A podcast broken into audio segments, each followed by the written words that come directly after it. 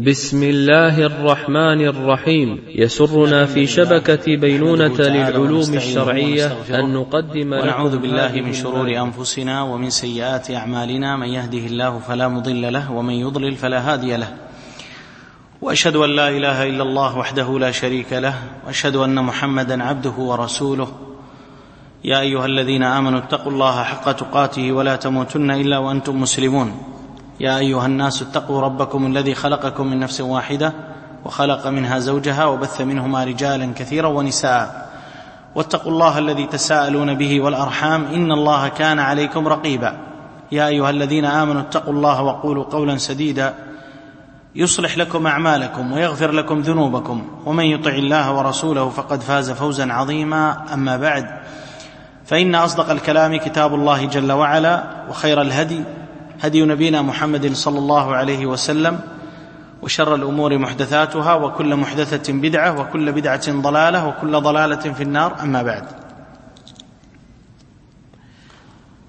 موضوع هذه المحاضرة كما هو معلن فضل عشر ذي الحجة. الله جل وعلا خلق العباد لغاية عظيمة خلقهم لعبادته. قال جل وعلا وما خلقت الجن والإنس إلا ليعبدون. فدور العبد أن يحقق العبودية لله سبحانه وتعالى في كل زمان ومكان.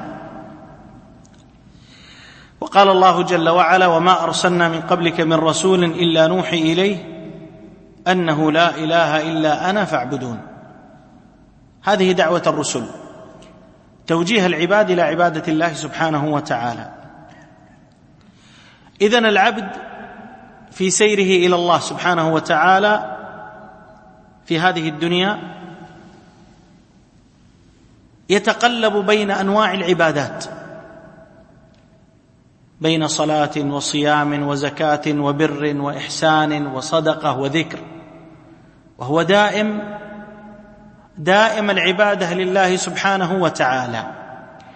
ومن الأمور المهمة أن عبادة الله جل وعلا لا تختص بالمواسم فقط.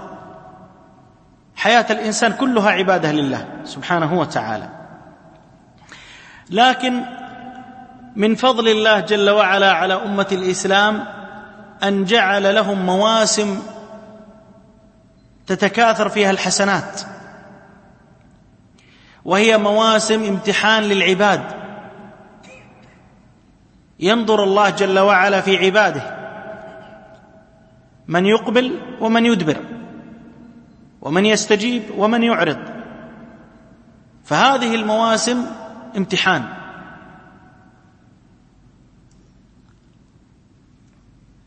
ثم الإنسان في هذه الدنيا حاله كأنه يقول يا رب إن جاء موسم الصيام رأيتني من الصائمين.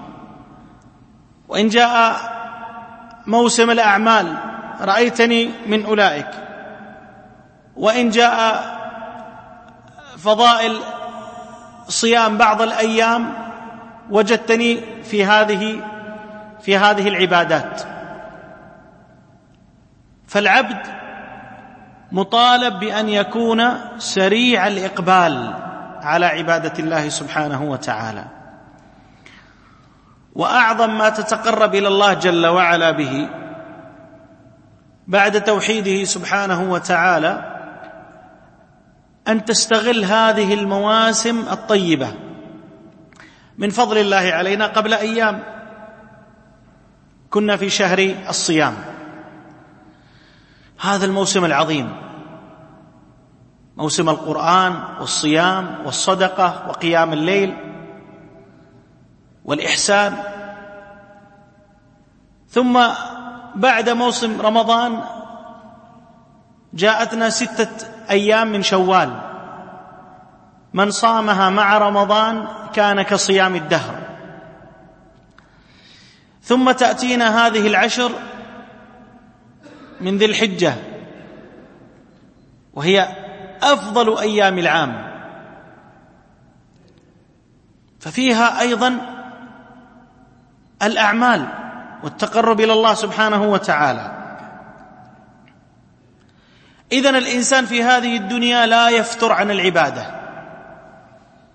الله جل وعلا لام الكفار. قال سبحانه وتعالى أولم نعمركم ما يتذكر فيه من تذكر وجاءكم النذير؟ فذوقوا فما للظالمين من نصير. نعمركم أعطيناكم عمر. ما استغللتموه في طاعة الله سبحانه وتعالى. ولا عبدتم ربكم. في الجهة الأخرى أثاب الله المؤمنين وأثنى عليهم. قال سبحانه وتعالى لأهل الإيمان كلوا واشربوا هنيئا بما أسلفتم في الأيام الخالية. بما عملتم. اذا صفة أهل الإيمان أنهم يعملون. ويستمرون في العبادة لله سبحانه وتعالى يتقربون إليه بأنواع القرب ويعبدونه سبحانه وتعالى بشتى أصناف العبادات لا يفترون وهم مع ذلك وجلون يسألون ربهم أن يتقبل منهم. اذا المسلم الحريص الفطن الذكي يعرف قيمة الوقت. ومن عظيم أمر الوقت الله جل وعلا أقسم به في القرآن أقسم بالزمان. قال والضحى قال والليل قال والفجر قال والعصر. كل هذه مواسم العبادة كلها أزمنة لإقامة العبادات. أقسم الله سبحانه وتعالى وله أن يقسم بما شاء لعظيم مكانة هذه العبادات أو هذه الأزمنة وإقامة العبادات فيها. اذا النبي صلى الله عليه وسلم يقول لا تزول قدم عبد يوم القيامة حتى يسأل عن أربع وذكر فيها عن عمره فيما أفناه. فيما أفنيت العمر فيما ذهب العمر فيما مضت السنون إن كانت في عبادة الله جل وعلا وجدت هذا في صحائف أعمالك. إن كانت في لهو ولعب مباح فهو لا لك ولا عليك. لن تؤجر ولن تؤثم. إن كانت إلا أن يكون تفريطا في العبادة أو سببا للتفريط في العبادة. إن كانت في معصية الله وجدت ذلك في صحائف السيئات. طيب يتفكر الإنسان الإنسان لا يخلو لا تخلو حياته من زمن ماض ومن حاضر يعيشه ومن مستقبل لم يأتي. الزمن الماضي مضى وتولى بما فيه. إن كانت حسنات فيسأل الله أن يتقبلها منه. وإن كانت سيئات فيسأل الله أن يتجاوزها عنه. ويقيم في ذلك عبادة التوبة والاستغفار. الزمن المستقبل قد لا يصل إليه. الإنسان ما يدري يعيش أو يموت. اذا أنت في الزمن الحالي. فاستغل هذا الزمن هو الزمن الذي تكتب فيه صحائف اعمالك ما مضى فات والمؤمل غيب ولك الساعة التي أنت فيها. هذه الساعة التي نحن فيها ستمضي وستكون بعد فترة ماض كالماضي الذي سبق. فلذلك يستدرك الإنسان على أموره ويعرف أنه في عبادة الله سبحانه وتعالى دون انقطاع. ثم الإنسان هل يدري غدا ما الذي يشغله؟ يدري غدا ما الذي هو الآن في صحة ربما غدا في مرض. هو الآن في حياة ربما غدا في موت. هو الآن في فراغ ربما غدا في شغل. يقول عليه الصلاة والسلام يغتنم خمسا قبل خمس. قال شبابك قبل هرمك وصحتك قبل سقمك وغناك قبل فقرك وفراغك قبل شغلك. ولذلك جاء في من المواسم الفضيلة التي ينبغي على الإنسان أن لا يفوتها وأن لا تمر عليه مرور الكرام. هذا الموسم القادم إلينا والذي نسأل الله جل وعلا أن يمد في أعمار الجميع أزمنة عديدة وسنين مديدة وهم على طاعة وإيمان. فيستغلون مثل هذه المواسم. موسم عشر ذي الحجة. ما هي العشر؟ هي من أول ذي الحجة إلى العاشر من ذي الحجة. يوم العيد لا يحسب من أيام العشر. فاذا هو على على الجبر يقال لها العشر لأن من الأعمال ما لا يكون في يوم العيد كالصيام مثلا. وليس من العبادات التي يتقرب بها في يوم العيد بل إن صيام يوم العيد لا يجوز. فاذا المراد بالتسع فيما يتعلق بالصيام. وأما غير ذلك من الأعمال فقد يدخل فيها يدخل فيها يوم العيد. ورد في فضل هذه العشر أحاديث. من ذلك قوله عليه الصلاة والسلام ما العمل في أيام أفضل في هذه العشر؟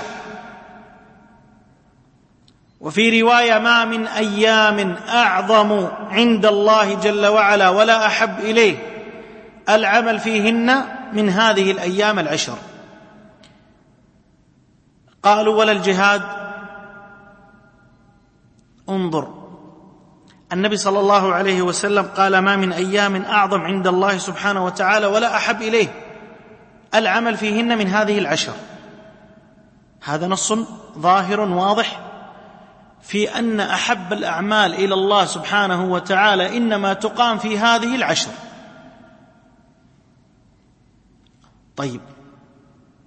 شخص بر بوالديه في عشر الأواخر من رمضان وبر بوالديه في عشر ذي الحجة أيهما أفضل؟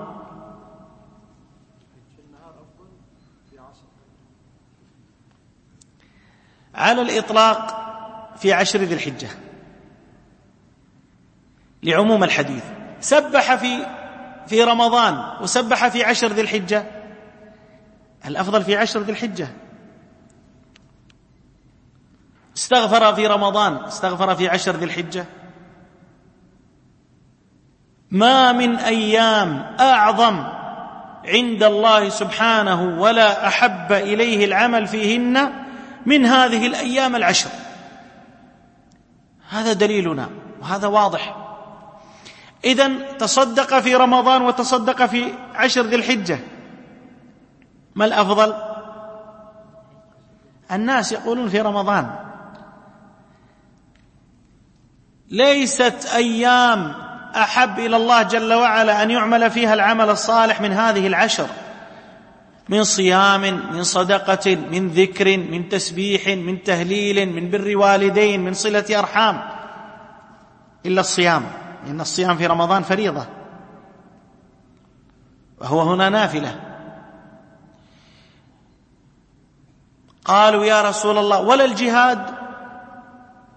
الجهاد ذروة سنام الإسلام الإسلام. الجهاد فيه بذل النفس. ولذلك لما سمع الصحابة هذا العموم في في في قوله صلى الله عليه وسلم تعجبوا. حتى الجهاد قال عليه الصلاة والسلام ولا الجهاد. حتى الجهاد. إنسان ذهب يجاهد في سبيل الله. هذه الأيام العشر العمل فيها أحب إلى الله سبحانه وتعالى حتى من الجهاد في سبيله. إلا رجل خرج إلى الجهاد يخاطر بنفسه وماله فلم يرجع بشيء. قتل عقر جواده أخذ ماله. لم يرجع بشيء. هذا حاله أفضل ممن اجتهد في العشر من ذي الحجة. وأما المجاهد الذي جاهد وقاتل العدو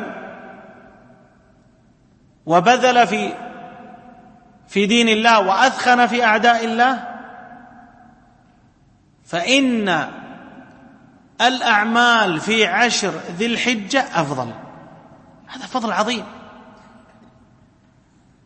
فالعاقل كيف يفرط في هذه المواسم؟ وكيف يترك هذه الفضائل أيام معدودة؟ وأزمنة محدودة. الإنسان يبذل فيها وقته يجاهد فيها نفسه يحرص على أن يرابط في عبادة الله سبحانه وتعالى بأنواع القرب. كما أنه يجتهد في رمضان في العبادات يجتهد في هذه العشر أعظم مما يجتهد في رمضان. لأن الأعمال في هذه الأيام احب من الأعمال في رمضان. وفي غير رمضان. لعموم قوله عليه الصلاة والسلام ما من أيام أعظم عند الله سبحانه وتعالى ولا أحب إليه. العمل فيهن من هذه الأيام العشر. ولذلك عظم الله جل وعلا شأنها قال ويذكر اسم الله في أيام معلومات. قال ابن عباس أيام العشر. وجاء ذكرها في قوله جل وعلا والفجر وليال عشر. قال ابن كثير رحمه الله المراد بها عشر ذي الحجة كما قاله ابن عباس وابن الزبير ومجاهد وغيرهم من أهل التفسير. إذن هذا دليل على فضلها دليل على مكانتها. والناس في هذا بين مرحوم ومحروم. بين من يستغل وقته بين من يجاهد نفسه يتقرب إلى ربه جل وعلا بالقرب وبين من يفرط. كان سعيد بن جبير هو من التابعين. كان رحمه الله إذا دخلت العشر من ذي الحجة اجتهد اجتهادا حتى ما يكاد يقدر عليه. أي هذا الاجتهاد الذي يقوم به. وهذا أيضا مما يبين أن هذه العشر العمل فيها أصناف الأعمال فيها أحب وأفضل من رمضان ومن غيره. ما السبب في أن الأعمال في هذه الأيام أحب إلى الله مما سواها؟ قال أهل العلم ومنهم الحافظ بن حجر رحمه الله. قال والذي يظهر أن السبب في امتياز عشر ذي الحجة لمكان اجتماع أمهات العبادة فيها. أمهات العبادة تجتمع في هذه الأيام. الصلاة الصيام الصدقة والحج. ولا يأتي ذلك في غيره. لا يأتي ذلك في غير هذه العشر. من فضائل هذه الأيام أن فيها يوم عرفة. هو من ضمن هذه الأيام هو اليوم التاسع. وهو الركن الأعظم للحج. يقول عليه الصلاة والسلام الحج عرفة. وذلك لمكانة عرفة. جعل النبي عليه الصلاة والسلام جعله الحج. فقال الحج عرفة وإلا فإن الحج مع عرفة الإحرام. كذلك المبيت بمزدلفة والمبيت بمنى ما بين أركان وما بين واجبات وما بين سنن. كلها يمثل الحج. من فضائل هذه الأيام أن فيها يوم التروية وهو اليوم الثامن. اليوم الذي إذا قدم الحاج إلى مكة فإنه في اليوم الثامن يتجه إلى منى. فيذهب الحجاج ويلبون بالحج. وهذا كله في هذه في هذه الأيام. فيها كذلك ليلة مزدلفة. وهي ليلة العاشر. ويكون صبيحتها عيد الأضحى. والمبيت فيها واجب للحجيج هذه كلها أيضا تقع في تقع في هذه العشر. ما الذي ما هي الأعمال التي يقوم بها الإنسان في هذه العشر؟ كل أعمال البر التي حث الله جل وعلا عليها حث عليها النبي صلى الله عليه وسلم يسعى الإنسان في تحقيقها في هذه العشر. وأعظم ما يعتني به الإنسان أن يتوب إلى الله. يا أيها الذين آمنوا توبوا إلى الله توبة نصوحا. وتوبوا إلى الله جميعا أيها المؤمنون لعلكم تفلحون. التوبة إلى الله عبادة أو ليست عبادة؟ عبادة. اذا أعظم ما تقوم بهذه العبادة في هذه العشر. يتوب الإنسان إلى ربه فيقبل على الأعمال الصالحة ويفارق الأعمال السيئة يفارق المنكرات يفارق تحصيل السيئات يفارق الكسل الذي أودى به إلى ترك العبادات والتقرب إلى الله جل وعلا بالقربات. كذلك من الأعمال الصالحة الصلاة. التبكير إليها وإتيانها في أماكنها في المساجد. وكذلك الحرص على إقامتها بأركانها وواجباتها وسننها وشروطها. يقول عليه الصلاة والسلام فيما رواه مسلم يقول فإنك لا تسجد لله سجدة سجدة. إلا رفعك إليه بها درجة وحط عنك بها خطيئة. سجدة واحدة. وهذه في النفل أو في الفرض. فتصور أن الإنسان يسجد في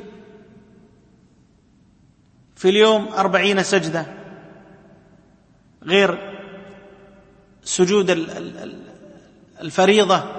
سجود النوافل والرواتب وشيء من الليل والوتر. هذه من أعظم القربات. كذلك مما يتقرب به إلى الله سبحانه وتعالى في هذه الأيام الصيام. لم يأتي دليل في الحث على الصيام بعينه لكن هو من جملة الأعمال الصالحة التي تدخل في قوله صلى الله عليه وسلم ما من أيام أعظم عند الله سبحانه وتعالى ولا أحب إليه العمل فيهن. فهي من الأعمال الصالحة ولا شك. ومن صام يوما في سبيل الله باعد الله بينه وبين النار سبعين خريفا. وجاء في أحمد وعند أبي داود أن النبي صلى الله عليه وسلم كان يصوم تسع ذي الحجة ويوم عاشوراء ثلاثة أيام من كل شهر. صيام يوم عرفة هذا فيه فضل فضل كبير. ولذلك يقول عليه الصلاة والسلام احتسب على الله أن يكفر السنة التي قبله والسنة التي بعده. يا إخوة هذه منن عظيمة لا يفوتها إلا غافل. يوم واحد تصوم يقول عليه الصلاة والسلام فيه أحتسب على الله أن يكفر. السنة التي قبله والسنة التي بعده. كذلك التكبير والتهليل في هذه الأيام. جاء في الحديث فأكثروا من التهليل والتكبير والتحميد. يقول البخاري رحمه الله كان ابن عمر وأبو هريرة رضي الله عنهما يخرجان إلى السوق في أيام العشر يكبران ويكبر الناس بتكبيرهما. يكبران ويكبر الناس بتكبيرهما. وكان ابن عمر يكبر في قبته بمنى. فيسمعه أهل المسجد ويكبرون ويكبر أهل الأسواق.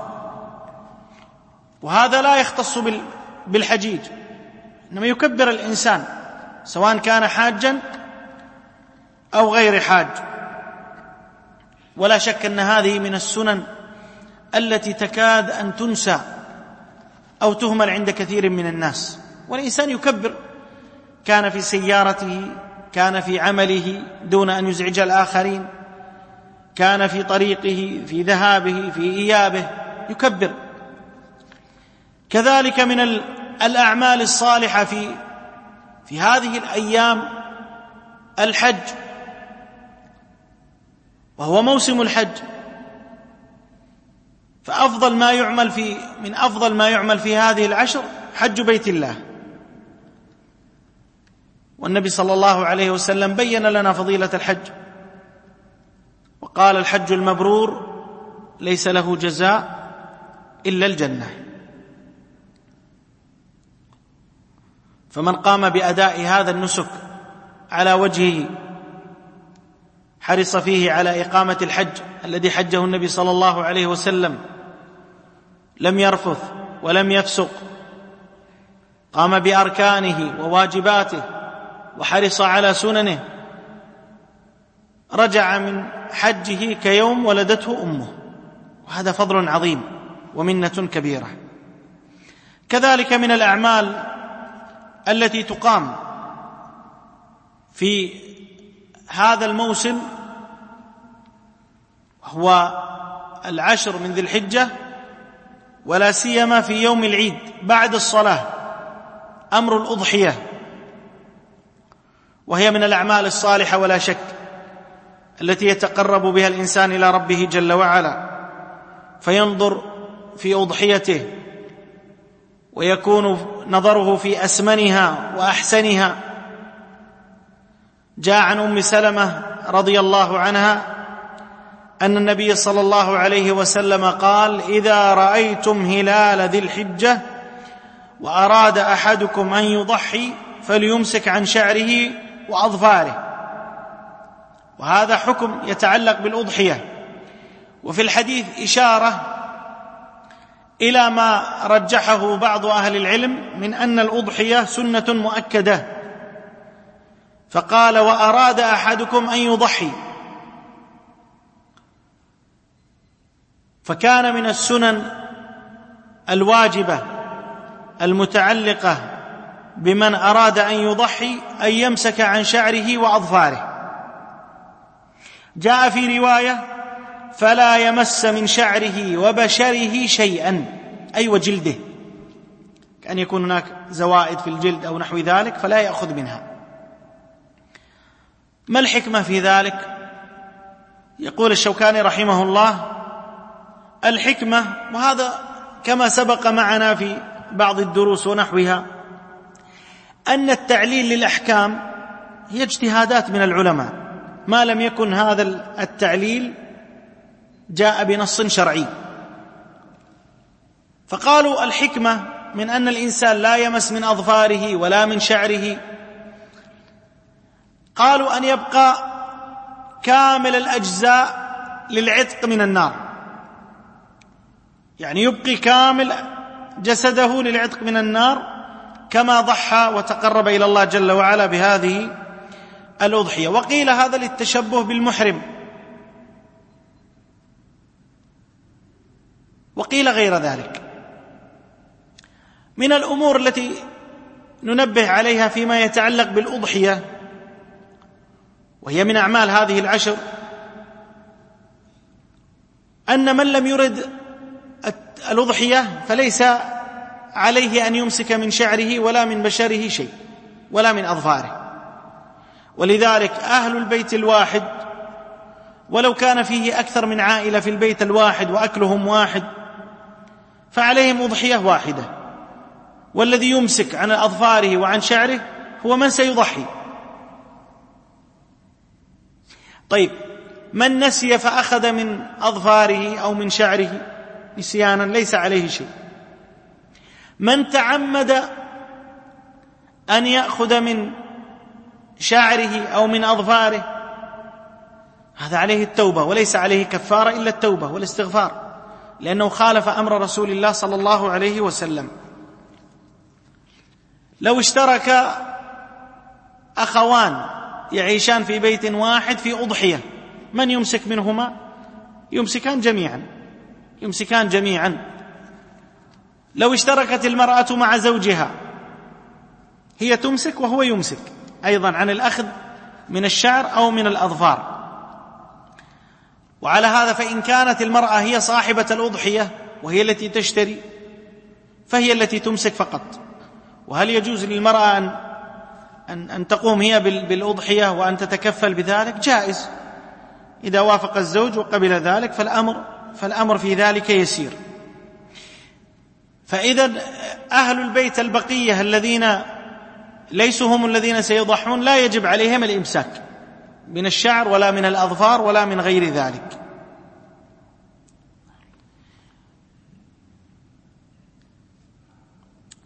هذه بعض المسائل المتعلقة بالأضحية والمتعلقة بهذه بهذه العشر. الأيام الفاضلة يبقى على الإنسان معاشر الأحبة أن يتفكر دائما في مواسم الخير وأن يعرف أن مواسم الخير تمضي.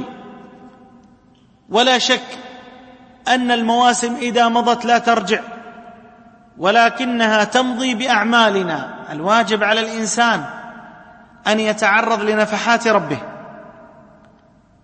فإن الإنسان إنما يكسب رضا الله سبحانه وتعالى وينال جنته جل وعلا بسبب أعماله بسبب أعماله.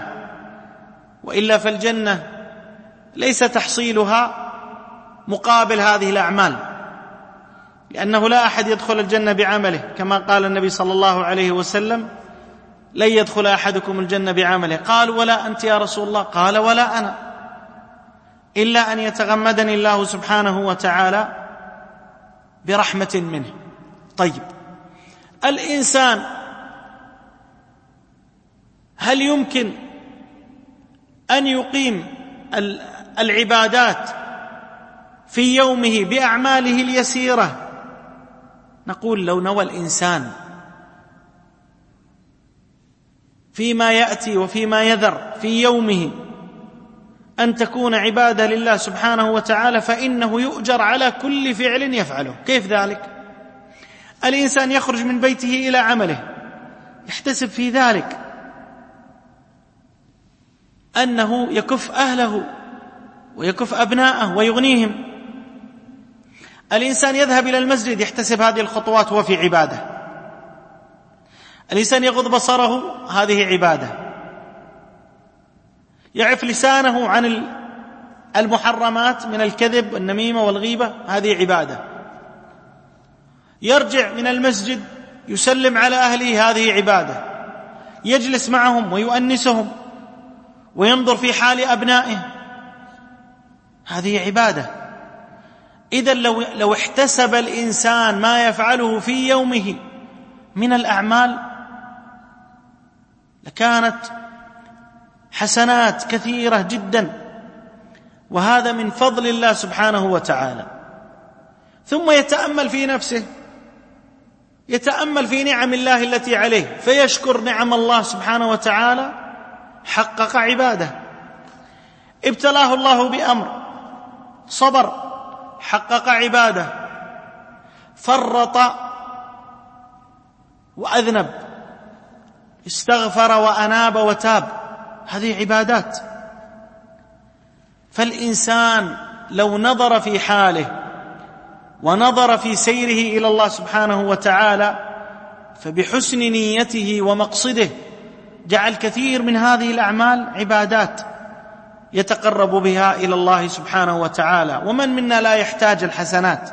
ومن منا مستغن عن رحمة الله سبحانه وتعالى؟